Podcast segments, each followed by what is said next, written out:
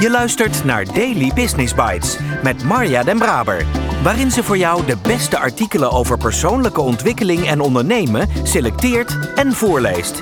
Elke dag in minder dan 10 minuten. Dit is jouw Daily Business Bite, aflevering 15. Psychologische veiligheid en vertrouwen in een hybride team. Een artikel van Marjolein Veringa en Brechtje Spijkerman in Management Impact op 6 juni 2022. En ik ben jouw host, Marja den Braber. Dit is de podcast waarin ik jouw oren streel met de zachte klanken van de beste artikelen over ondernemen en persoonlijke ontwikkeling die ik maar kan vinden.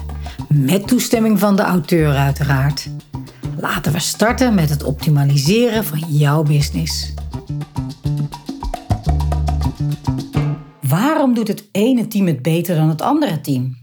Onze ervaring is dat veel hiervan zit in het gedrag binnen het team en de mate waarin teamleden zich in een team veilig voelen, de psychologische veiligheid. Psychologische veiligheid is het geloof dat de context veilig genoeg is om risico te nemen op interpersoonlijk vlak. Denk hierbij aan naar voren komen met nieuwe ideeën en vragen durven stellen.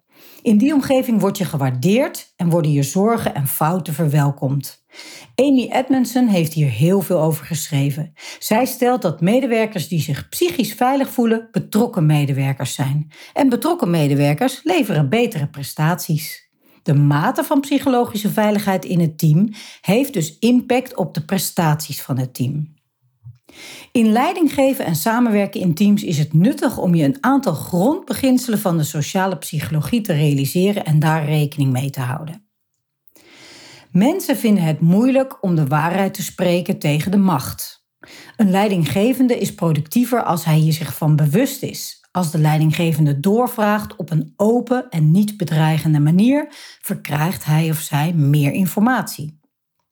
Homogeniteit begrenst de creativiteit en de effectiviteit in het team. Het is fijn om met gelijkgestemde mensen in een team te zitten, maar als je meer creativiteit en effectiviteit wilt hebben, heb je verschillende invalshoeken nodig en dus verschillende mensen met diverse achtergronden en opvattingen. Dit daagt het team uit. We vinden het fijn als mensen het met ons eens zijn. Als je dat weet, zul je ook eerder de vraag stellen of je genoeg tegenkracht organiseert om de kanten die je zelf minder ziet in het vizier te krijgen. Als er minder psychologische veiligheid in het team is, zullen mensen zich inhouden, want niemand wil worden gezien als onwetend, incompetent, omdringerig, opdringerig of negatief. Het is dan makkelijker om geen vragen te stellen, geen fouten of zwaktes toe te geven, geen ideeën te opperen en geen kritiek te uiten op de status quo.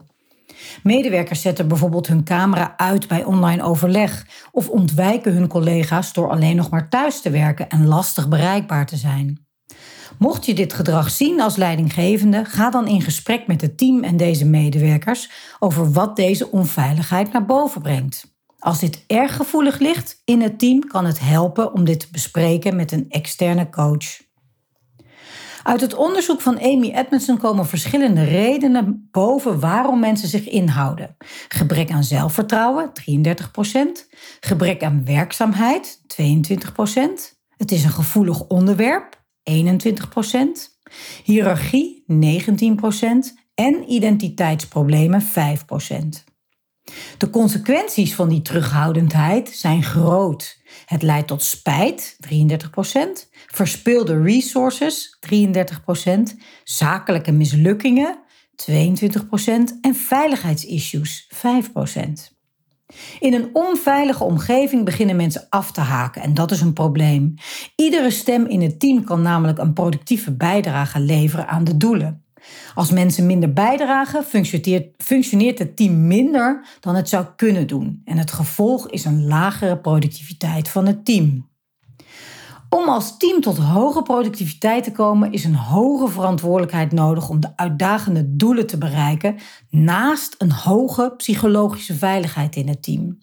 Het is niet noodzakelijk dat die combinatie van een hoge verantwoordelijkheid en een hoge psychologische veiligheid in de hele organisatie aanwezig is. Je kunt in jouw team ook al het verschil maken. Nou, hoe pas je deze kennis nu toe in de praktijk van hybride teams? Er zijn drie leiderschapsacties die zorgen voor meer psychologische veiligheid. 1. Schets het kader, scope het werk en benadruk het doel. Een cognitief kader schetsen geeft aan wat de organisatie ziet als belangrijk in de omgang met elkaar. Vaak zijn omgangsnormen impliciet in de organisatie aanwezig, ook omgangsnormen die negatief bijdragen aan het resultaat. Het helpt om die normen expliciet te maken en te reframen. Het geeft de medewerkers een praktisch kader voor gewenst gedrag. Voorbeelden van dit soort normen zijn we hebben bij online vergaderingen altijd onze camera aan, zodat we goed contact hebben met elkaar. Problemen oplossen is een teamsport. Als we fysiek vergaderen en iemand kan er niet bij zijn, maar wel inbellen, dan bellen we allemaal in, zodat we allemaal gelijkwaardig kunnen deelnemen aan de vergadering. We zijn kwetsbaar voor verstoringen, vroege signalen. Uh, vroege signalen die doen er dus toe. En wat je ook kiest, Maak het concreet en schep een kader voor de te hanteren normen waarop iedereen feedback kan geven.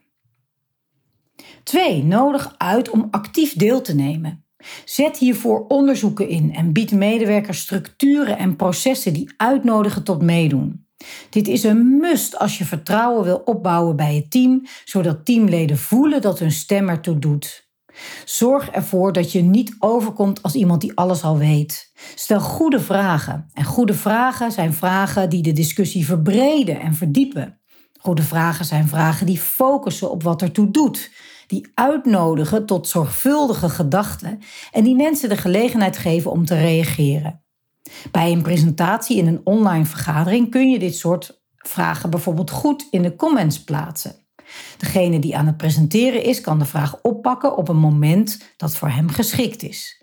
Ook zie je dat andere deelnemers het fijn vinden om op zo'n vraag in de comments te reageren of eigen opmerkingen en vragen toe te voegen. 3. Reageer productief. Laat waardering zien, dus destigmatiseer fouten en sanctioneer overtredingen.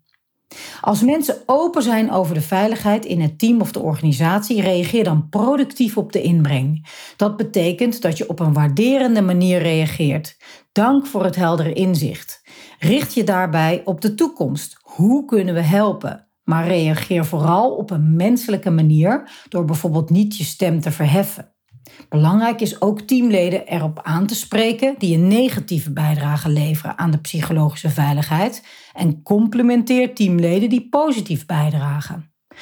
Veel teams starten een vergadering met een check-in. Als iemand hierin iets negatiefs aangeeft of vertelt dat het niet goed met hem gaat, reageer er dan serieus en met aandacht op. Negeer het niet. Zo zien alle collega's dat je bij die check-in echt kunt aangeven hoe het met je gaat en dat negatieve feedback ook wordt opgepakt. Dit draagt positief bij aan de veiligheid binnen het team. Vragen die je kunt stellen om de discussie te verbreden is bijvoorbeeld hoe denken anderen hierover of wat missen we?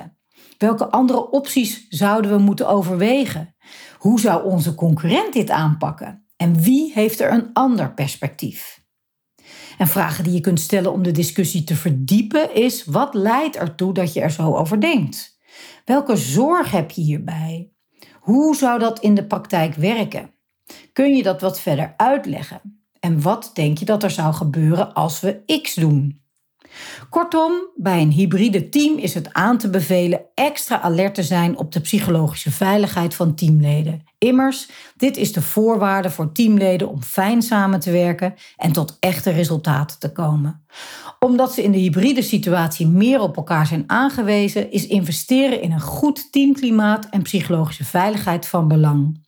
Wees je als leidinggevende bewust van het belang van psychologische veiligheid in het team en weet dat jij daaraan een belangrijke bijdrage moet leveren. Daily Business Bites met Marja Den Braber.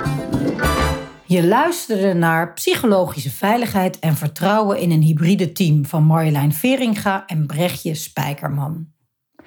Fijn dat twee gewaardeerde teamcoaches over zo'n belangrijk onderwerp als psychologische veiligheid een goed artikel schrijven. En hier ook nog de hybride eh, vorm in meenemen. In het artikel zelf staat ook nog een overzichtelijk model dat ik niet heb voorgelezen. Maar het is zeker de moeite waard om dat zelf wel even te doen. Je vindt de link naar het originele artikel in de show notes. In het V6-model dat ik samen met Stefan Scholt heb ontwikkeld, is de V van veiligheid het eerste en de belangrijkste waar ik in een team op let. Doe je voordeel met de combinatie van hybride teams die deze dames ook nog even voor je meenemen, want het is here to stay. Wat ik nog voor je kan toevoegen is dat angst, en onveiligheid dus, drie reacties geven die elk ook een totaal ander gedrag laten zien. En je zult ze vast wel kennen. Fight, flight en freeze. Als je goed kijkt en luistert, dan kun je het waarnemen. Als het gaat over fight of vechten, dan krijg je meer agressief woordgebruik en vaak verandert de toon ook. Als het gaat om flight, vluchten, is het soms letterlijk weggaan, maar ook wegdraaien of met de ogen wegdraaien of naar een ander onderwerp overgaan. En bij freeze of bij bevriezen valt het gewoon helemaal stil en houden mensen echt helemaal hun mond. Al met al een superbelangrijk onderwerp voor iedereen die in een team werkt. Wees hier alert op en ik spreek je graag morgen. Dit was Daily Business Bites. Wil je vaker voorgelezen worden? Abonneer je dan op de podcast in je favoriete podcast-app. Meer weten? Klik op de links in de show notes.